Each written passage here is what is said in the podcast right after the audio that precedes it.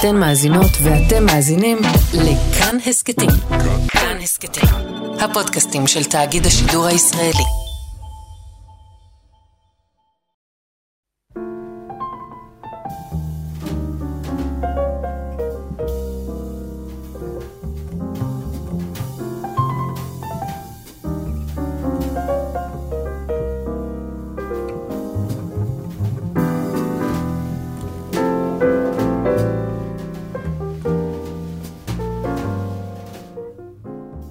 שבת שלום, צהריים טובים, ברוכים הבאים להתבודדות ברדיו כאן תרבות, אני יאיר אסולין, אה, בהתבודדות השבועית שלנו.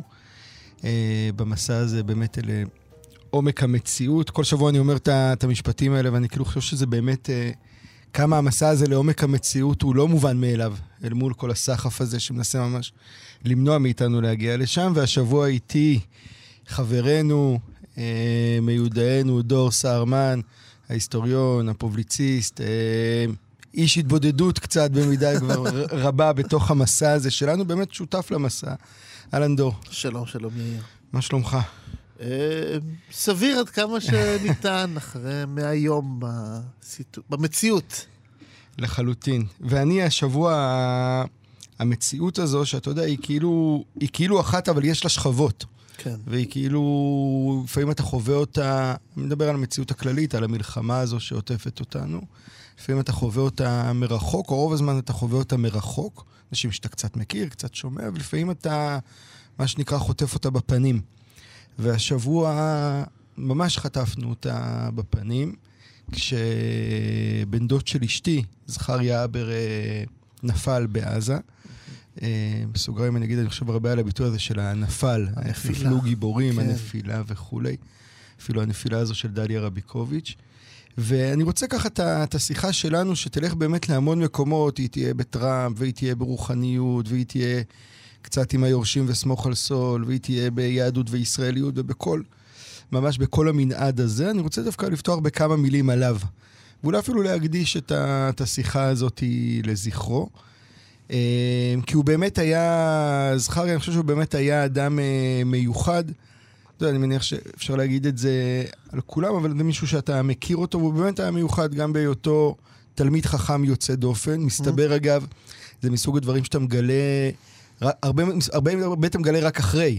כן. מסתבר שממש תלמיד חכם יוצא דופן, הוא רשיבת הגוש, אבל בן אדם שבאמת שיקע את כל כולו ב- בלימוד תורה, ומצד שני, הוא היה גם, אה, גם אינטלקטואל, שזה תמיד ידעתי, והכרתי, ההתכתבות האחרונה שלנו הייתה כשהוא שאל אותי שאלות על אה, דפוסי הצבעה של, של אה, אפרו-אמריקאים בארצות הברית, אוקיי? זה היה... יפה. להתעסק ולהבין ולנסות להבין עומק וכזה, זה היה לפני כמה חודשים. והוא היה גם חוקר, חוקר חקלאות, הוא עשה דוקטורט בחקלאות באוניברסיטת תל אביב, בעיצומו של הדוקטורט עכשיו, אה, משהו על אה, גידול חיכה, חיטה בתנאי מדבר וכולי, דברים שהם ממש עם איזה שאיפות כאלה לשנות את העולם. ובמובן הזה, ה... אתה חושב, המוות הזה או הנפילה הזו היא... היא משהו שהוא באמת הפסד, הפסד זה, במובן זה, הכי... זה אובדן אמיתי. בדיוק, אובדן... העולם אני, איבד... אני אומר, כל, כל אובדן הוא אובדן אמיתי, אה, ואני מניח ש... על כל אחד שנפל ודאי שאפשר להגיד את זה. לא מניח, זה ברור לי שעל כל אחד שנפל אפשר להגיד, אבל פה פתאום אתה פוגש את זה באופן בלתי אמצעי. אתה רואה את האובדן, אתה רואה את המשקל הזה ש... שנעלם מהעולם, הכוח הזה שנעלם, וזה באמת uh, משהו שהוא הוא מעבר למילים ולתחושות, אבל רציתי כן להגיד משהו אחד שהרגשתי ב... בהלוויה השבוע, שהוא, אני חושב, משהו ש... לי הוא הרגיש מאוד מדויק לשיחה הישראלית בכלל. אה, וזה שבלוויה כמובן דיברו על זה שהוא נפל, על שמירת העם והארץ ועל ההקרבה, ועל... הוא ממשפחה שהוא יליד ארצות הברית, הם עלו אה. לארץ, אז כמובן שכל הדבר הזה נמצא שם מאוד מאוד חזק. אבל כל הדבר הזה לא טשטש, אם אני לוקח באחוזים את כמות הדיבור, הוא לא טשטש את, ה... את הדיבור על האדם שהוא היה. כן, ממש 90 אחוז דיברו על האדם שהוא היה, וברקע היה הדבר הזה, ברקע הייתה, היה הקשר. כן. אבל ה, הדבר הזה שבו יש לנו את היכולת, אני מרגיש שיש הסחף, בטח של השיח התקשורתי, הוא לגרום לאנשים לדבר, להצדיק את הדבר, לדבר על ההקשר, לדבר על הנסיבות. ופחות לדבר על האנשים או לתת מקום לאנשים עצמם. ושם בלוויה הרגשתי שזה היה מאוד מאוד מדויק, האופן שבו דיברו עליו והנוכחות שהייתה לו שם ב, ב, במרחב, אתה יודע, מה שהיה היה נוכח שם. וזה משהו שהוא, אני חושב שהוא דבר ש... אני לפחות, דייק, הוא דייק לי משהו באיך לדבר על המלחמה הזו, איך לדבר על מה שקורה. אתה יודע, זה מעניין מה שאתה אומר על, אה, על זכר זיכרונו לברכה, זה, זה מקפיץ לי, יש שיר, להקה צבאית מה-80's, שהוא מאוד, אה, הוא מאוד צ'יזי, כדרכם mm-hmm. של ה-80's ולהקות כן. צבאיות. זה השיר שכתבה רחל שפירא לאחד החיילים.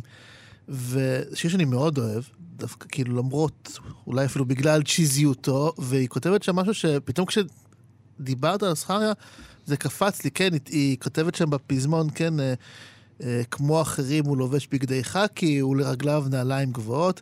רק שבעיניי הוא אינו דומה לאיש, הוא יחיד ומיוחד מאוד. כן. ש, שזה בדיוק זה כבר, וזה לא שיר זיכרון אגב, זה שיר כאילו אהבה, mm-hmm. שכאילו חי, מישהי שרה לחייל.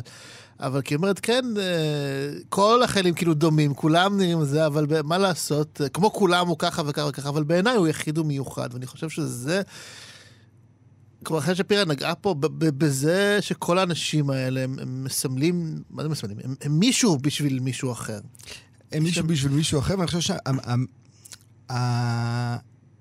שהמאבק כמעט שלנו, אני חושב, זה לזכור, ברור שהמשפחה זוכרת, אבל לזכור, כשאנחנו מסתכלים על הסיטואציות האלה, את ה... באמת מעבר לצבאיות הזו, מעבר לה, להשטחה של המערכת הצבאית, ודווקא להאנשה או אנושיות של כל אחד ואחד אה, מהנופלים.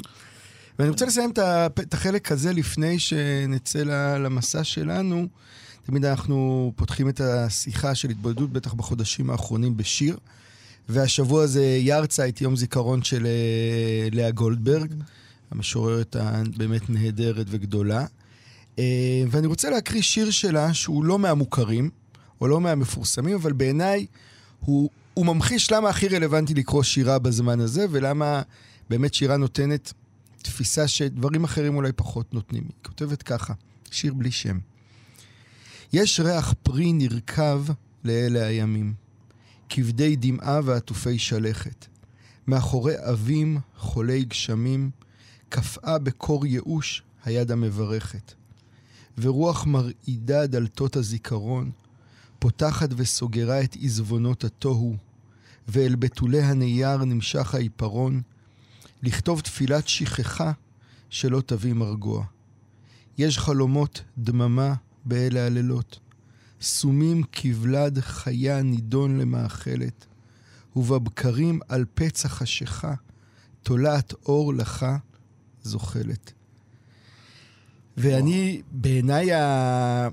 כשקראתי את השיר הזה, הכרתי אותו כנראה איפשהו, אבל חזרתי אליו עכשיו לקראת השיחה שלנו.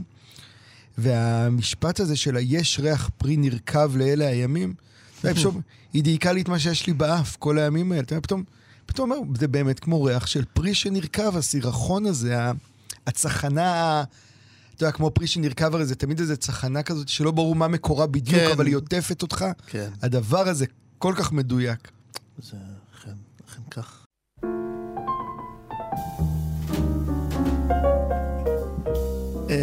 הנקודה הראשונה שאני רוצה להעלות אה, היא משהו שבכלל מגיע מזמנים שהם מלפני המלחמה, אבל שעכשיו היו לכותרות, כן, היה לפני כך וכך חודשים, אה, במציאות אחרת. כן. ציינו את חג השבועות, וכדרכו של חג השבועות עושים אירועי שבועות אה, ברחבי המדינה, ובקיבוץ מגידו, אם אני לא טועה, עשו איזשהו mm-hmm. אירוע, והזמינו את לוסי אהריש להנחות.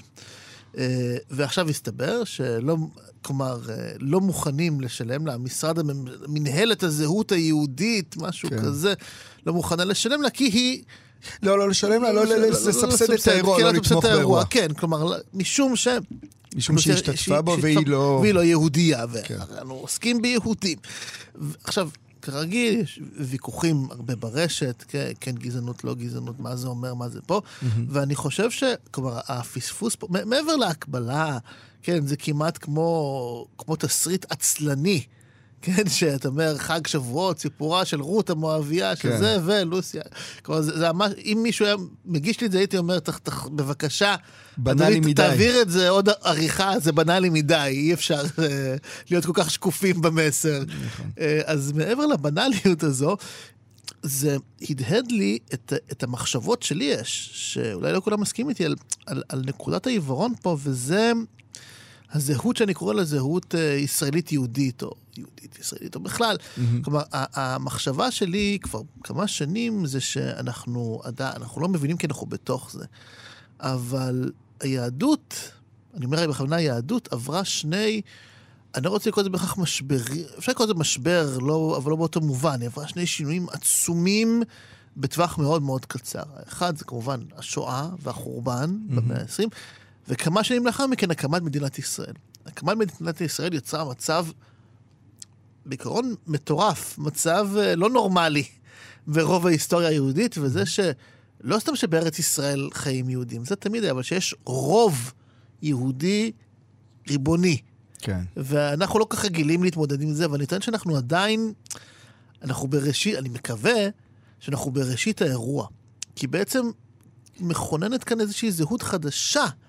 יהדות ישראלית היא לא מה שהיה לפני זה, זה משהו קצת אחר, שאנחנו עוד מגדירים אותו, והוא קצת כמו פלסטלינה, הוא עדיין לדעתי הרבה יותר גמיש ממה שאנחנו מסוגלים לדמיין. הסיפור עם לוסי אריש מאוד ממחיש את זה, כי אני חושב שברור להרבה אנשים שלוסי אריש רואה בעצמה, ורבים גם רואים בה, חלק, לא סתם מהחברה החברה הישראלית, כן. אבל החברה הישראלית ב- ב- באסנס שלה, במובן חלק היהודי, מהסיפור הישראלי. הסיפור אפילו היהודי-ישראלי, אפילו שהיא איננה יהודייה בעצם, אבל היא כרכה את גורלה. אני כאילו, שבוע שעבר היה פה יוסי שיין, פרופסור יוסי שיין, שכתב את הספר על המאה הישראלית. היה מרצה שלי. אה, אוקיי. במדעי אז המדינה. אה, והוא עסוק באמת ב... דיבר על התהליך הזה של הישראליזציה של היהדות, כן. האופן שבו הישראל... היהדות חושבת עצמה ב... מבעד לעיניים ישראליות וכולי, וזה מתכתב בעיניי עם הדברים שאתה אומר, לא יודע אם במאה אחוז, אבל זה מתכתב, זה מנהל מערכת יחסים. אני רוצה להביא את הצד השני. כן. לחלוטין בתוך הסיפור הזה. אני חושב שהדבר הכי מעניין בסיפור על לוסי אריש, מעבר כמובן ל- לעובדה שיש גזענות בחברה הישראלית, וזה רעה חולה שצריך לפ... ל- ל- ל- להסיר אותה וכולי וכולי, ואי אפשר להתעלם מזה. אני לא חושב שלא צריך להיות משרד לזהות יהודית. בוודאי שלא. אוקיי? כלומר, אני לא חושב, בהמשך למה שאתה אומר, אני לא חושב שיש, אני חושב שיהדות ישראלית היא כמעט אוקסימורון. אוקיי? כלומר, יש משהו, הפרויקט הישראלי, כל היומרה שלו הייתה, במובן מסוים, לפתור את הבעיה היהודית. אוקיי? הדבר הזה, יש איזה מתח מאוד מאוד עמוק שאנחנו כאילו מנסים להתעלם ממנו או לרבע את המעגל, או כמו שאתה אומר, אני חושב שזה בגלל שאנחנו גם בהתחלה של התהליך, כן. אז אנחנו צריכים, כמו בהכרזת העצמאות, אנחנו צריכים את ההצדקה של היהודי, למרות שאנחנו לא מאה אחוז מאמינים בו, כן, מה שה... אה, המשפט הזה של אה, פרופסור קרקוצקין, כן, אלוהים לא קיים, אבל הוא הבטיח לנו את הארץ. כן, בדיוק. הרעיון הזה.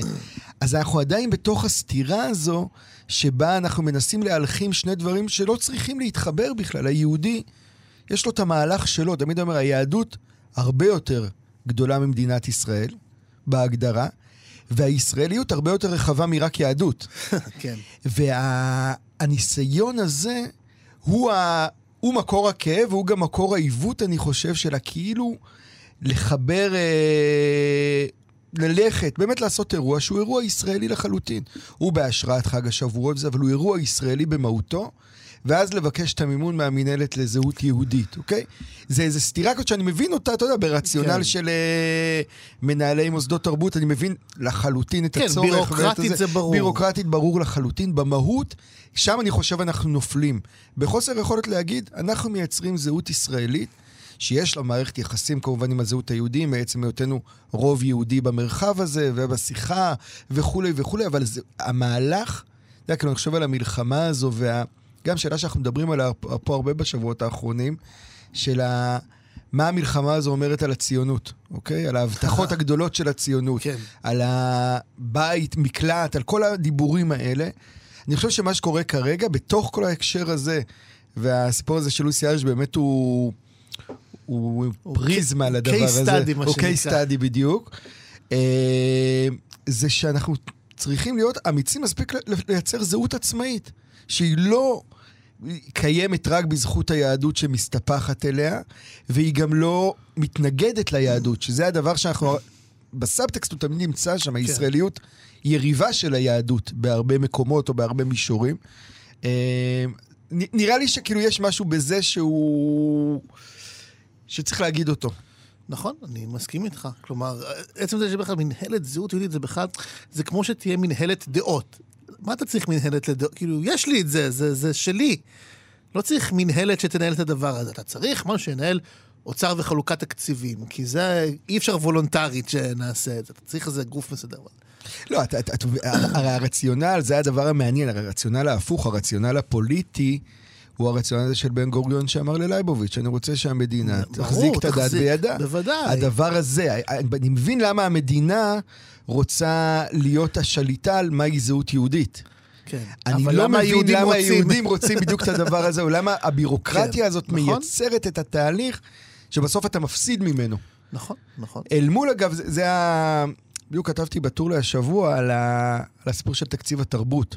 אהה. שזה בכלל טרגדיה בפני עצמה, ואני חושב שיש לנו פה כישלון תרבותי אדיר, השביעי באוקטובר הוא כישלון תרבותי וכולי, אבל ה... אתה רואה בערך בשנה האחרונה כמה כסף הושקע במאבק למען דמוקרטיה, כן. וכמה מעט כסף הושקע בתשתיות עומק, כמו נגיד בתרבות, כמו נגיד בלייצר אלטרנטיבה שתומכת באירועים כאלה בלי שהם יצטרכו לקבל כסף מזהות יהודית. כן. וכולי. כאילו, הדבר, לייצר את האפיק הישראלי העצמאי הזה, הוא בעיניי ממש אה, צו השעה. צו השעה ל... בדיוק, להתמודדות עם אירועים כאלה, אבל הם הקצה של קרחון הרבה יותר אה, רחב.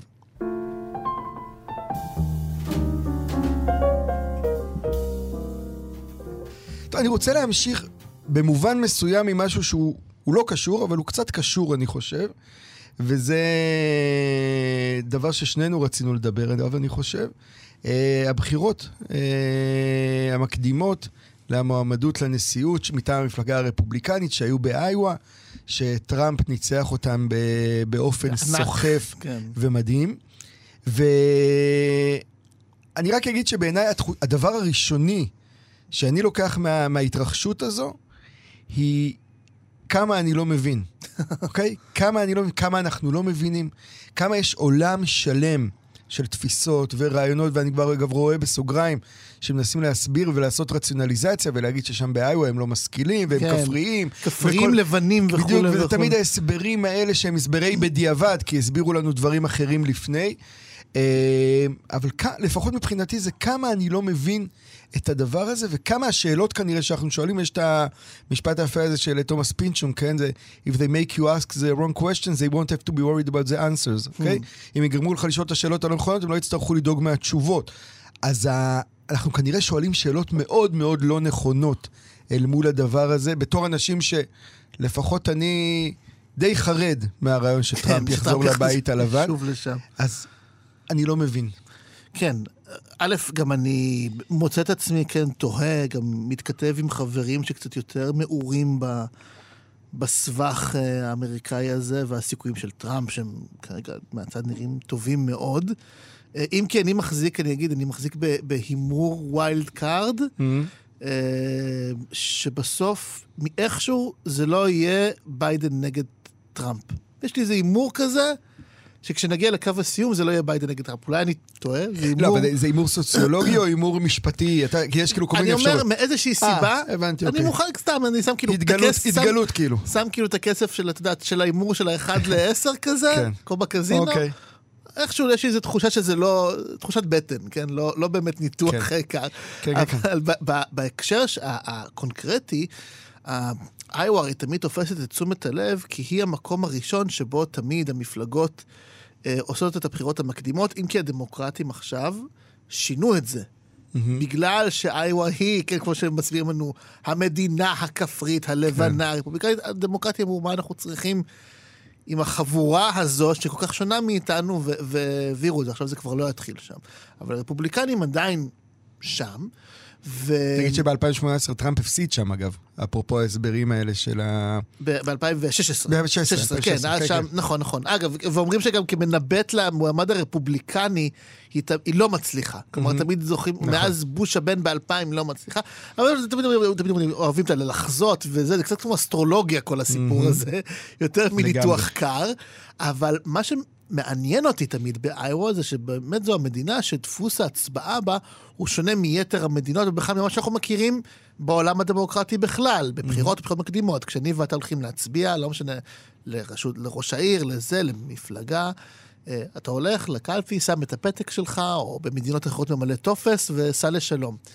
ובאיווה הם עדיין שומרים על המודל של אספות העם. כן. כן, כלומר, הם מתכנסים בכל המתנסים והאולמות ובתי הספר וזה, מכריזים בשמות של קולות, ואנשים פיזית נעמדים במקום מסוים במרחב, שאמור לייצג את uh, uh, מי שהם תומכים בו, וככה עושים סבב ראשון וסבב שני, עד שמתקבל איזשהו רוב, uh, כן. רוב ברור. שזה קודם כל זה מדהים, שממש, ולכן גם אומרים שהפעם נגיד היו אה, אחוזי הצבעה נמוכים, כי הייתה סופה, וצריך ממש לצאת מהבית, להגיע למקום שבו כן. אתה מתחיל לזוז. זה מודל מדהים שאתה רואה בו את החשיבה המאוד אמריקאית הזו גם, של הדמוקרטיה הישירה. Mm-hmm. חשיבה ששואבת אה, מאוד מהחשיבה של רוסו. ש, ש, שמאוד מאוד שאף, מאוד הציק לו, כן, העניין הזה של החוסר אותנטיות. של הייצוגיות. של הייצוגיות, הייצוג, הוא ראה בדמוקרטיה הייצוגית, שהיא בסוף השיטה שבה אנחנו חיים, הוא ראה בה בעיה. לכן הוא שאף למודלים באמת של מין רפובליקות קטנות אה, עם mm-hmm. דמוקרטיה ישירה. אה, אבל שמרגע כמובן שתקבל החלטה היא תהיה מחייבת, וזה כבר הבעיות שמצאו כן. ברוסו אחר כך, כן? ש... טלמון כתב עליו. שזה, שזה מעניין, אגב, אפרופו רוסו וזה, אני חושב שבמובן מסוים, אפרופו סוף עידן הפוליטיקה, כמו שהכרנו, והייצוגים כן. האלה, השיטות הייצוגיות, אני חושב שהיום המרחבים, דווקא בחסות הטכנולוגיה, מתחילים ללכת לכיוונים האלה, של, הרוס, של רוסו, של, כן. של האפשרות לייצר באמת, אה, ישירות. לא אספות עם במתנס, אבל לייצר מרחב הרבה יותר ישיר והרבה יותר בלתי אמצעי. כן, זה מאוד מעניין שהקשר למעשה בין לצורך העניין רשתות חברתיות, נגיד, mm. לאספות האלה באיווה, שוב, באותו מרחב לכאורה, שאנחנו הילביליז כאלה, כן? כן? יש, זה, יש הרבה יותר קשר בין הדברים האלה. של, של האמירה הישירה, של גם אתה צריך לשכנע אותי, ואנחנו אומרים, כשאנחנו אומרים שמישהו אה, משנה דעתו, אנחנו אומרים שהעבירו אותו צד. כן. ובאיווה אתה פיזית עובר צד. עובר צד. זה מאוד מעניין, זה כאילו, הסרת את כל הדימוי ו- ואת כל הציפוי, ואתה רואה איך זה כאילו, בגרעין אמור לפעול לכאורה. אה, אבל אה, לא, זה, זה, אני, אני, אני לוקח כאילו את הדבר הזה, שהוא כאילו כשאני מקשיב לך מדבר, מצד אחד מה שאני מרגיש זה ה... איזה פרימיטיביים הם. כן, יודע מה, הם לא, הם לא מבינים שהעולם מתקדם, כאילו מה קורה. מצד שני, יש בזה משהו מאוד מאוד מרגש. כאילו, נכון. כאילו כשאני חושב על כל הניכור העמוק שאנחנו מרגישים כלפי פוליטיקה, היא נמצאת שם. בזה שאף אחד לא עובר צד, בזה שאף אחד לא מדבר, בזה שלא נפגשים, בזה שאין משמעות, בזה שהכל הצגה אחת גדולה וכולי וכולי וכולי, ואתה רואה גם... אפרופו, גם על זה דיברנו בשבוע שעבר, אפרופו האישור הזה של הרשות לניירות ערך, של המדדים צמודי ביטקוין וכולי, כן. אתה רואה כמה אנרגיה מושקעת ב... להרחיק אותנו מאפשרויות של אינטראקציות כאלה סביב הפוליטיקה. מאפשרים לנו את זה ברשתות חברתיות כן. וכולי, אבל אף אחד לא אומר, בואו ניקח את הטכנולוגיות האלה ונאפשר לאנשים באמת לדבר ולחשוב ביחד, כי יש בזה משהו שהוא ברור שהוא מעצים את הכוח של הציבור ומחליש את הכוח של, ה... של הנציגים. אבל אני רוצה לחזור כאילו בדיוק מהמקום הזה, מהרגשות האלה, לאי ידיעה. כי אני מרגיש, אתה יודע, יש עכשיו המון דיבורים על אה, שידוד מערכות בישראל, ויצאו מיליונים לרחובות, ומה שהיה או לא מה שיהיה, וכל ה... או נגיד, יש צד שלם שזו ה... השיחה שהוא מנהל, כן. והוא לא לוקח בחשבון את הבחירות האלה באיווה, או את האנשים האלה, שאתה אומר לעצמך, איך הם בכלל, עזוב עכשיו ועידות העם, לא... איך כן. טראמפ הזה קיבל עשרה אחוז. באיו, כן. אוקיי? זו השאלה, הרי לא השאלה איך הוא ניצח באופן מדהים. השאלה איך הוא בכלל מתמודד לגיטימי בתוך הדבר. ואתה וה... מבין שהשאלה היא, בעיניי, המעניינת היא לא איך גורמים לזה שטראמפ לא יהיה נשיא, או איך משנים שלטון בישראל, בעיניי חייבים ללכת לבחירות בכל מקרה, אלא מה מאפשר את טראמפ מה מאפשר את השלטון כמו שהוא עכשיו, מה מאפשר המון המון אנשים שאני רוצה לחשוב שהם לא רשעים ולא טיפשים, אוקיי? ללכת עדיין עם משהו שבעיניי הוא או טיפשות או רשע, כן? כן. Uh, הפער הזה הוא שאלה שאני מרגיש שאף אחד לא שואל אותה כמעט, אבל זו שאלה קנטיאנית, כן? שאלה מה מאפשר את התופעה, אוקיי? אף אחד לא שואל אותה, אבל בלעדיה אתה נמצא באיזשהו לופ שהוא לא גורם לך, אתה יודע, זה כמו שאתה תקוע באוטו בתוך אה, ביצה, ואתה יכול או לשקוע או לתת גז ולשקוע יותר מהר. כן. אבל אף אחד לא חושב לצאת החוצה מהאוטו ולהסתכל עליו ולחשוב איך אפשר לחלץ אותו. שזה הרגע שבעיניי אנחנו נמצאים בו. אה, ואני חושב שזה לא סתם לא שואלים את השאלה, כי זו שאלה מאוד מאוד מפחידה. היא מחייבת חשבון נפש, היא מחייבת באמת לצאת ולהסתכל מבחוץ, היא מחייבת לשאול המון המון שאלות על עצמך. כן, אני חושב שאי אפשר לדבר נגיד על שינוי היום בחברה הישראלית בלי לדבר על אה, דבר שבעיניי הוא מטורף וכמעט לא מדברים עליו, עליות המחירים המטורפות בחסות המלחמה. נכון. אוקיי? נכון. אתה עכשיו, זה כאילו שני דברים לא קשורים, כי זה במדור הכלכלה וזה במדור הפוליטיקה. אבל זה בדיוק זה, חוסר האמון שמאפשר תופעות כמו טראמפ. חוסר האמון שמאפשר להסתכל על הממשלה בישראל ולהגיד, לא יודע, כולם אותו דבר, פחות או יותר, או מה יקרה. כל המאה ה-20, כן, הכל גרוע. הכל גרוע וכולי. אז ה... זו השיחה שאני מרגיש שאנחנו צריכים לנהל אותה, ואנחנו כמעט לא מנהלים אותה.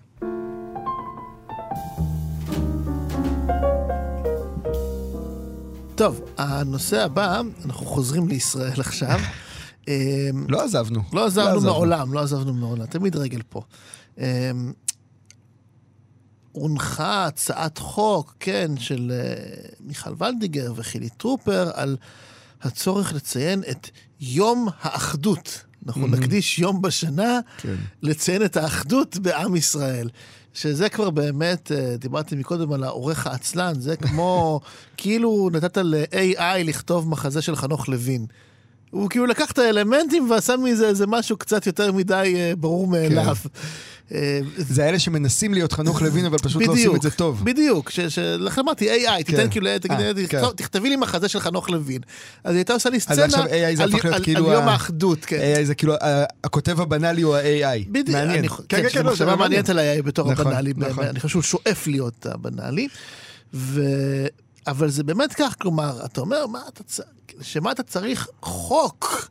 מילא, אתה יודע, תהיה איזו התארגנות ספונטנית של אזרחים, אפילו בעידוד פוליטיקאים, שיגידו, אנחנו רוצים לציין את יום האחדות. אני גם לא יודע אם הייתי מצטרף לחגיגה, ותכף אני אסביר למה, אבל mm. פה לפחות הייתי אומר, אוקיי, זה מגיע מחלק בציבור, זה מגיע מלמטה, כן. מאנשים שרוצים לציין את זה. אבל זה שרוצים בחוק שיכריח אותך לציין כן, להתאחד. יום, להתאחד. אתה, אתה עכשיו בפקודה תחת חוקי המדינה, מחויב כן. להיות מאוחד. מי שלא מאוחד ביום הזה, אני אומר, הוא יקבל קנס. כן. שלא לא יהיה מספיק מאוחד באותו יום. עכשיו, אנחנו צוחקים, אבל זה, זה, זה קצת נורא בעיניי, ש... ש שהאחדות כ, כמטבע פוליטי, כלומר שאתה פשוט בטח צריך לשמור על האחדות. חשוב שנהיה, במיוחד בתקופה כזו, אה, מאוחדים. זה כמו שהאשמה רווחת אתה יודע, אם אתה, לא, אם אתה עכשיו לא מסכים עם מישהו, אתה מתווכח עם מישהו, אתה יכול להגיד לו, אה. אתה בשיח של השישי באוקטובר. כן, זה הג'וקר. אני, אני עברתי הלאה, אני לא שם, אתה תקוע לך שם. כן.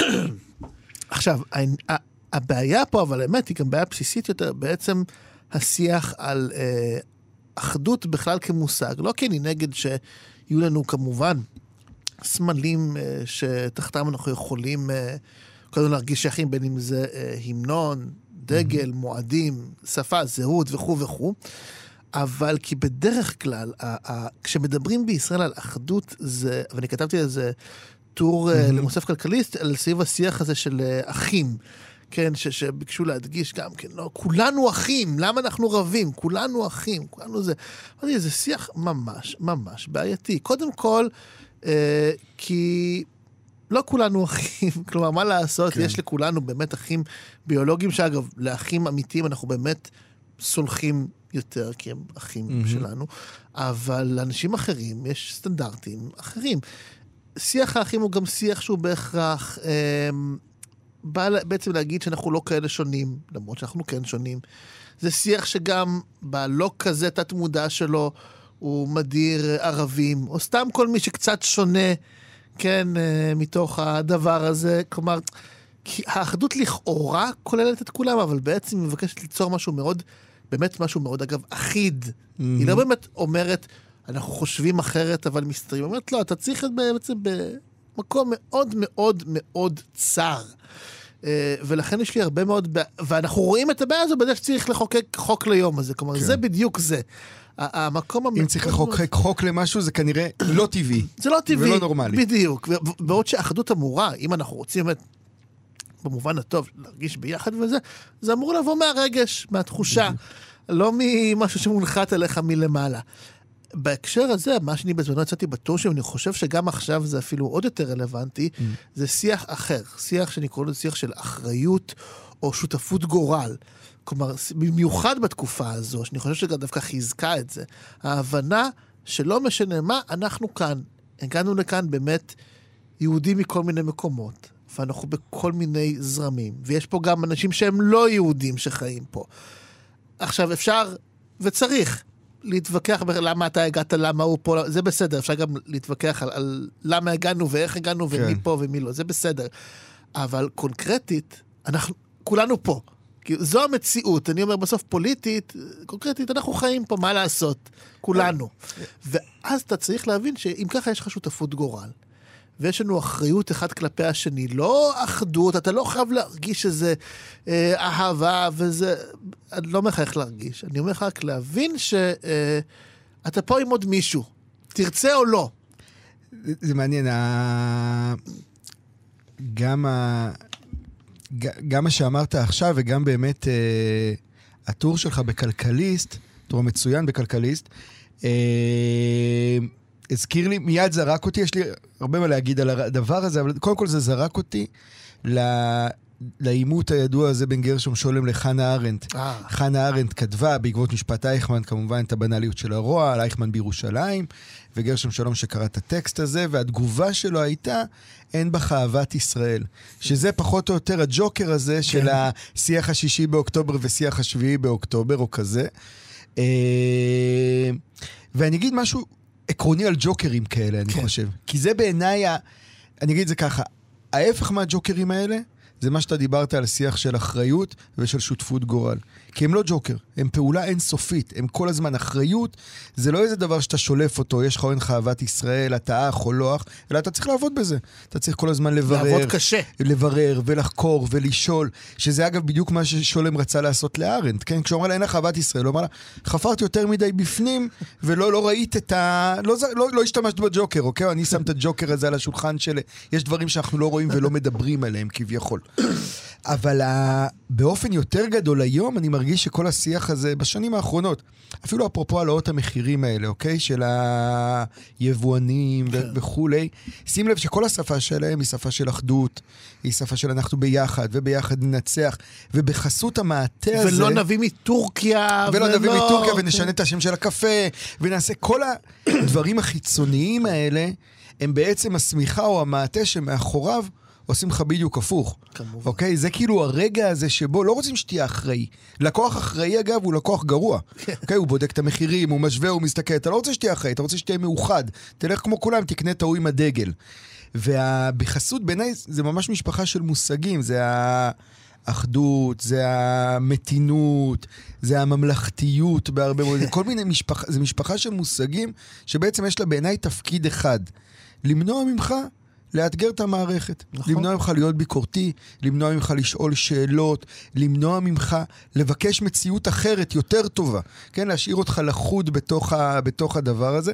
ולכן כאילו בעיניי ההנגדה הנהדרת הזו שיצרת בין שיח האחים והאחדות לבין האחריות, זו כאילו ההנגדה האולטימטיבית. באמת, אף אחד כמעט לא מדבר על אחריות. אוקיי? כאילו, יש לנו איזה פוזה כזאת שמדברים על אחריות, אבל אף אחד לא מדבר על אחריות. יש אנשים מדהימים, אגב, שאחראים, החברה הישראלית, יש לה המון אחריות שמתגלה המון. עכשיו, בטח במלחמה, בטח בהתגייסות, בטח בעשייה הציבורית. אבל כאתוס של אחריות, זה בעיניי אתוס הרבה יותר רלוונטי וחזק, מסכים איתך לגמרי מאשר האתוס של האחדות, אבל הוא האתוס שהכי מאיים על כל מי שמקדם את שיח האחדות הזו, ולא נכון. בכדי.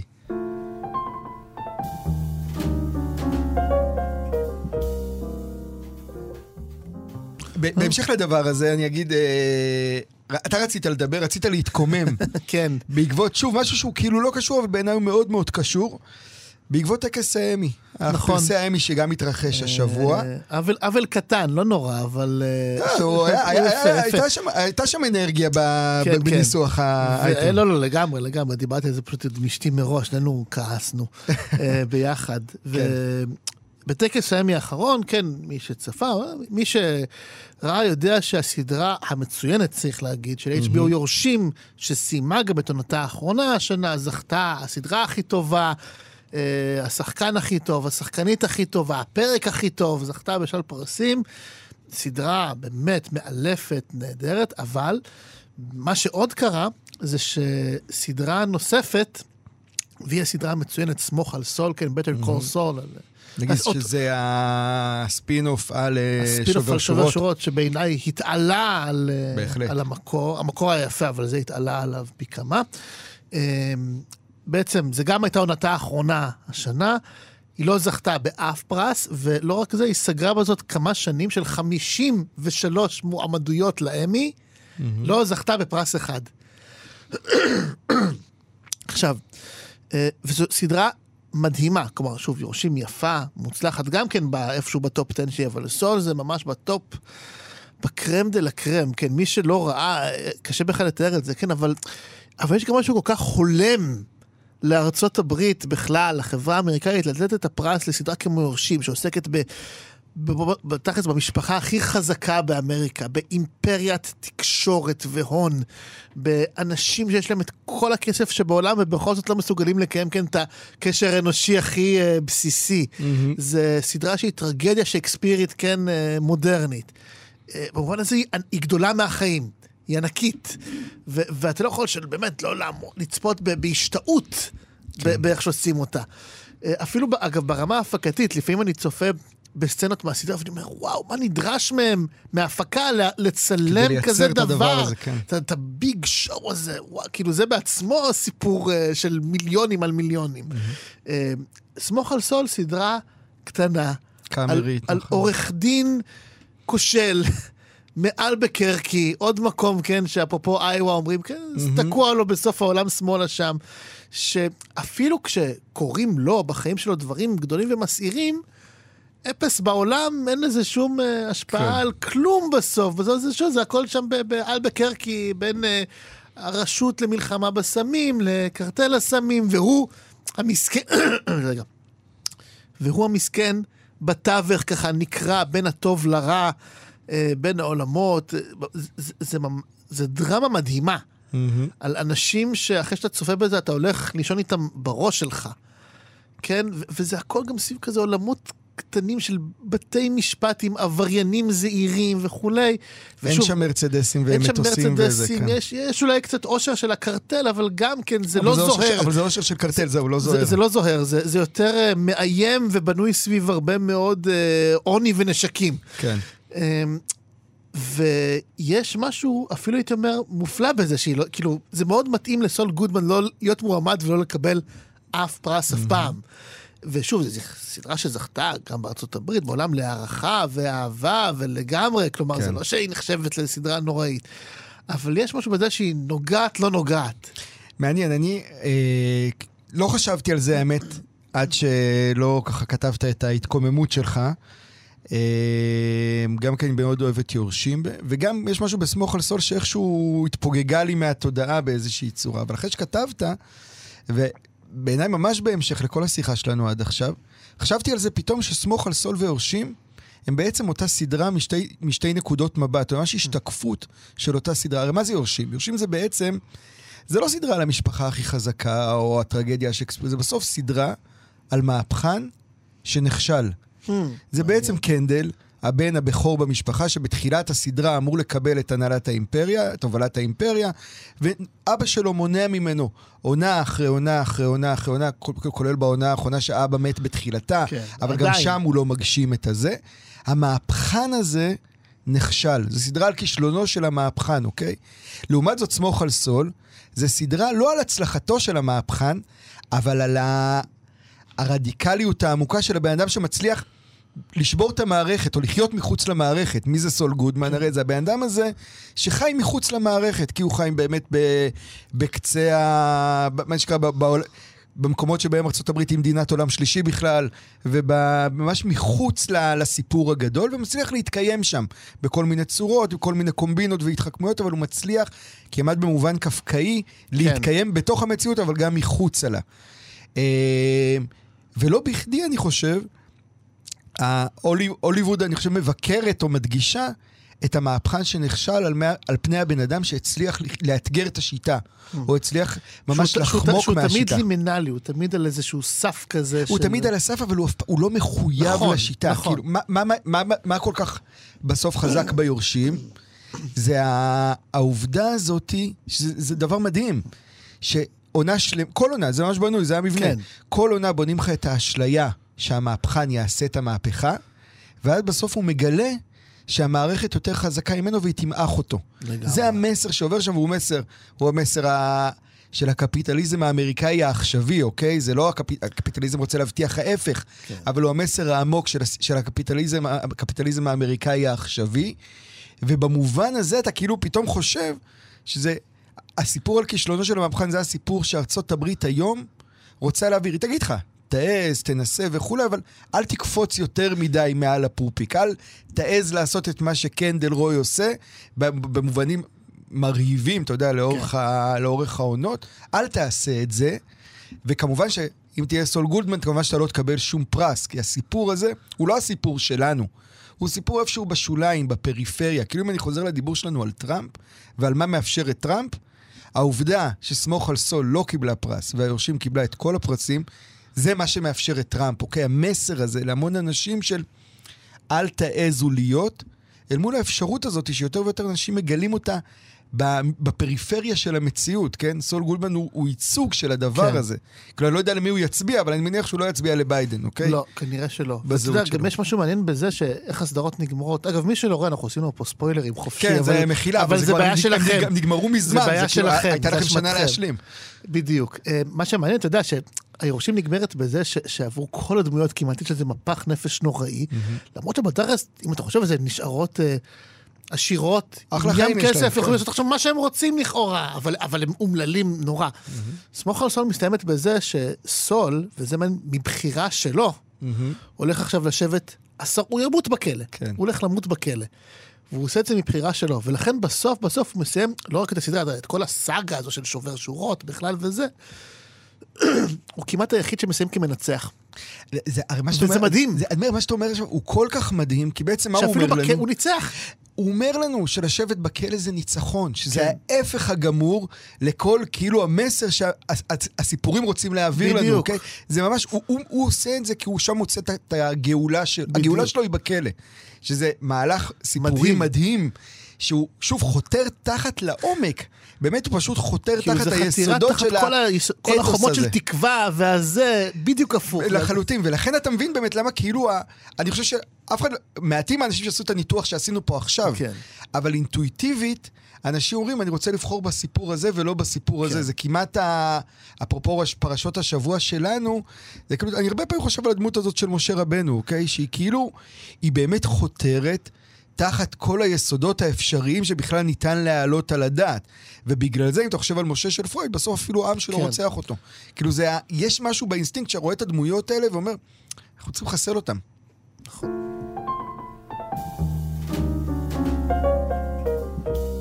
אז אנחנו ממש ממש בסוף, אה, ואני רוצה לסיים ב...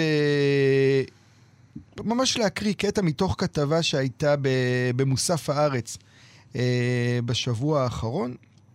אה, זה כתבה עם חוקר, חוקר דתות בשם ג'ף קרייפל, שהוא הוא דמות מורכבת ומעניינת, ומתארים אותו שם, הוא אוסף עדויות של אנשים שחוו נבואות, ומפגשים עם חייזרים, וממש אינטראקציות עם עולמות אחרים. והכתבה מתבססת על איזשהו משהו שהוא... בעיניי הוא מאוד מאוד מעניין, הוא גם, הכתבה ממש משייכת אותו אה, למה שקורה בישראל מאז השבת השחורה. וזה שהוא מדבר על זה שבאירועי קיצון, בטח במלחמות או בטרגדיות גדולות, אנשים מתחילים לחוות. אירועים, אה, מתחילים לחוות, אה, לא יודע איך לקרוא לזה אפילו, אירועים אה, מיסטיים או רוחניים. כן. או... הם, הם נוגעים בקדושה. הם ב... נוגעים בקדושה ונוגעים מעבר הזה, באינסוף כן. הזה או בדבר הזה. וזה סתם אגב הזכיר לי מיד שבביוגרפיה של שבתאי צבי, של גרשום שולם, הוא מדבר מדהים שם על איך כש... בתקופה הזאת של שבתאי צבי, מלא אנשים מתחילים להתנבא. נכון, נכון. חקרתי את זה, זה חלק כן. מהנושאים שלי בתזה. אז דבר על זה, אז דווקא, נו, אז תגיד, זה יותר מעניין אפילו מה... את התזה שלי, התואר, התזה שכתבתי בתואר השני אה, היא על אה, עימות פנים שבתאי. אוקיי. בין אה, סוף, כמו שזלמן שזר הגדיר אותו איפה סופרו של משיח, שמואל פרימו, mm-hmm. לאברהם קרדוזו, שהיה נביא שבתאי עצמאי. עכשיו, לקרדוזו הייתה גם ביוגרפיה ייחודית, הוא היה בעצם, בא ממשפחה של מומרים בפורטוגל, ואז הוא, יחד עם אחיו יצחק, מגיע לאיטליה וחוזר ליהדותו. ואז יש את ההתעוררות של שבתאי צבי, ואז הוא גם טוען צבי משיח אמת, והוא גם רואה בעצמו את משיח בן אפרים. שהוא יביא את התיקון האמיתי, כן. בניגוד לשבתאי צבי משיח בן דוד. והוא בעצמו הפך למין אבי עצמאי, והוא חווה התגלויות, וגם סביבו יש כל הזמן אירועים של נבואות. אה, עדה רפפורט, החוקרת המנוחה, כתבה על זה, שהיא כתבה על, אה, על זה שסביב השבתאות פתאום המון נשים החלו להתנבא. השבתאות הביאה את האפשרות האנרכיסטית במידה של נשים שמתנבאות מחדש. ואז למשל לקרדוזו יש עימות עם אישה נביאה שטוענת שהוא ערל. שהוא לא עבר ברית מילה, ואז הוא צריך להצטדק על מה שיש לו שם למטה, ובלאגן שלם. כן. אבל אתה רואה פתאום, והוא חווה למשל אה, גילויים, הוא רואה על הירח דמויות של שבתאי צבי, הארי הקדוש, נתן העזתי, וגם דמות של אישה. אבל אז הדמויות האלה מתחילות לקלל אותו, והוא מבין שמדובר על קליפות, על כוחות זדוניים. עכשיו, אני לא חושב שקרדוזו וגם אנשים מסביבו, אני לא חושב שהם יהיו שקרנים. Mm-hmm. הוא היה אגומניאק, אבל הוא לא היה שקרן. כן. Uh, הוא באמת, בוודאי חווה את ההתגלות הזו על הירח, למשל. זה הכל סביב חיים של אדם שחייב להיות סוהרים, והוא חי בתקופה מסעירה וכולי, אז כן, אני מאוד מסכים עם זה. כלומר, לא, זה, זה, זה מדהים, ואתה זה. אתה חושב אפילו העידודים קדימה, כן, אפילו של אנשי צפת וכולי, זה לשנים... אחרי הגירוש. זה, זה, זה, זה כאילו שנים כאלה, מה שה, שאנחנו מדברים עליו, כאילו אנחנו בתוך הדבר הזה, פתאום קשה לנו לראות, הכתבה הזאת, הכוח שלה היה שהיא דייקה לי את הדבר הזה, בגלל זה רציתי להקריא משהו, אני אקריא אותו, אבל ה, הדבר הזה שפתאום אתה נמצא בזמנים שבהם העולם מתערער, כן. ואז המון כוחות נכנסים פנימה, מה שדרידר קורא לו כרוחות הרפאים, או לא משנה, זה הכל בעצם מימוש של אותו דבר, איזה משהו מעבר שפתאום מתחיל להיכנס פנימה ולהדהד. אה, וסתם איזו תובנה פוליטית שקרייפל מדייק, אני חושב, מתוך הדבר הזה. פוליטית חברתית, הוא כותב ככה, בעיניי, זה משהו שהוא צריך להשמיע אותו, עם כמה שהדמות הזו היא דמות אה, אולי קצת קשה לעיכול. הוא כותב ככה, אנשים, אנשים צעירים מרגישים קשר עמוק לאלוהים וליקום. אבל הם לא אוהבים שהכנסייה מגנה את החברים שלהם. מצד שני, הימין הפך את הדת לאחת מנקודות המיקוד שלו, הבעלים של הדת כביכול. היום אנחנו אוכלים את הפירות הרעילים של ההנחה הזו.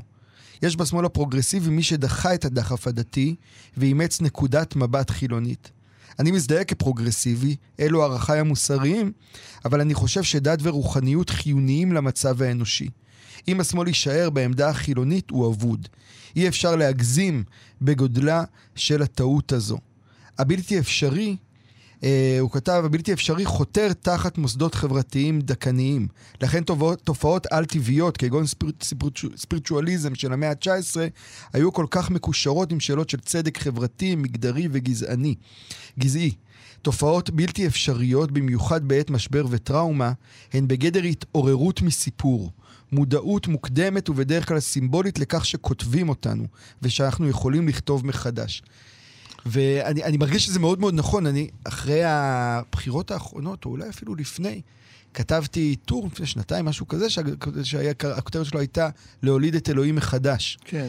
ואני. חושב שכשאין לך את האפשרות הזאת, המנגנון הזה, שוב, זה ממש, מתח... ממש מתחבר אל כל הדיבור שלנו, אתה פשוט לחוד באיזשהו מרחב, כי יש משהו בהבטחה הספירטואלית, בין אם היא אמיתית, בין אם היא מהפנימיות, זה לא משנה מה המקור שלה, שמאפשרת לדמיין מציאות אלטרנטיבית, שהיא מה שמפחיד את מי שלא רוצים שתדמיין מציאות אלטרנטיבית, אבל היא גם מה שהפתח, היא הפתח הגדול לשינוי או לאיזה לידה מחדש. אתה יודע, אני חושב על זה דווקא בהקשרים מאוד אמריקאים, אגב. היה את הרגע הזה בארצות הברית של שנות ה-60, שזה כן הלך יד ביד. גם, גם הרבה מהמאבק נגד מלחמת וייטנאם אהמ. על ידי אנשי דת ו- וכנסיות וכולי. המאבק, הגזענות. אה, הגזענות, מרטין לותר קינג בעצמו היה איש דת, כלומר... והרב אברהם השל ואברהם השל, בוודאי, אנשי דת, יש את התמונה המפורסמת שלהם שלובי נכון. ידיים וכולי, כלומר... ואז אתה אומר, מי יתנני השל ומרטין לותר קינג היום? כלומר, איפה השילוב הזה, אני אומר את זה גם פרוגרסיבי, חילוני, כן, אבל איפה באמת השילוב הזה כן, של אה, אנשי דת חובקים ידיים כתרבות נגד. להגמוניה. זה מה שהוא אומר פה מאוד מאוד כן, חזק, כן. הפקרנו את כל המרחב הזה, זה כמו שהפקרנו את ה... אפרופו שבתות, הפקרנו את הרעיון של משיחיות, שהוא רעיון שהוא ביסודה של הציונות, ביסודם של תהליכים כן. גדולים, והפקרנו אותו והוא הפך להיות הכינוי גנאי הזה שלא אומרים אותו. משיחיסטים. משיחיסטים וכולי, ובעצם ויתרנו על, שזה בעיניי הדבר הכי חשוב להדגיש אותו, ויתרנו על ה... הכלי אולי הכי משמעותי לחברות אנושיות כדי לחולל שינוי. וזה הספירטואליות, כן. המשיחיות, המעבר, היכולת לחשוב בכלים הזאת. גדולים. כן, הצטמצמנו לאיזשהו משהו שהוא בהגדרה לא מאפשר לך בכלל להרים ראש. ואני חושב שהיום, אם לא מרימים ראש, נמצאים במצב גרוע מאוד. כן, כן. מצד שני, מה שמטריד אותי במחשבה, זה באמת ש... כלומר לפחות בישראל, באמת, אתה מדבר על זה, על משיחיזם ככינוי גנאי, וזה באמת, כלומר, מי שחולמים חלומות גדולים, אז הם חולמים על משהו כזה מהפרט והחידקל וכולי, וזה משהו כזה... שהוא, שהוא סרט אימים מהבחינה הזאת. נכון, אבל, זה, אבל, אבל העניין לא, לא, הוא... אבל כי זה מופקר לשם. אה, בואו נחלום חלומות גדולים משלנו. כן, כן. לחלום, לחלום על שלום היום, אמיתי, בתוך המרחב הזה, חלום לא פחות גדול מהפרט והחידקל, והוא חלום משיחי. אם אין לך חלום משיחי. אם אין לך את המנגנון המשיחי, אין לך אפשרות לחלום אותו בכלל באמת. קניתי.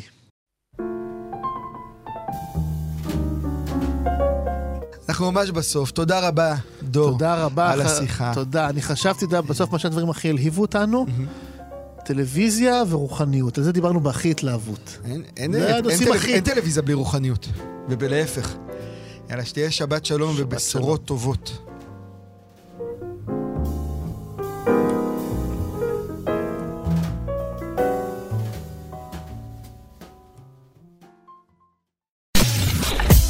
אתן מאזינות ואתם מאזינים לכאן הסכתים. כאן הסכתים, הפודקאסטים של תאגיד השידור הישראלי.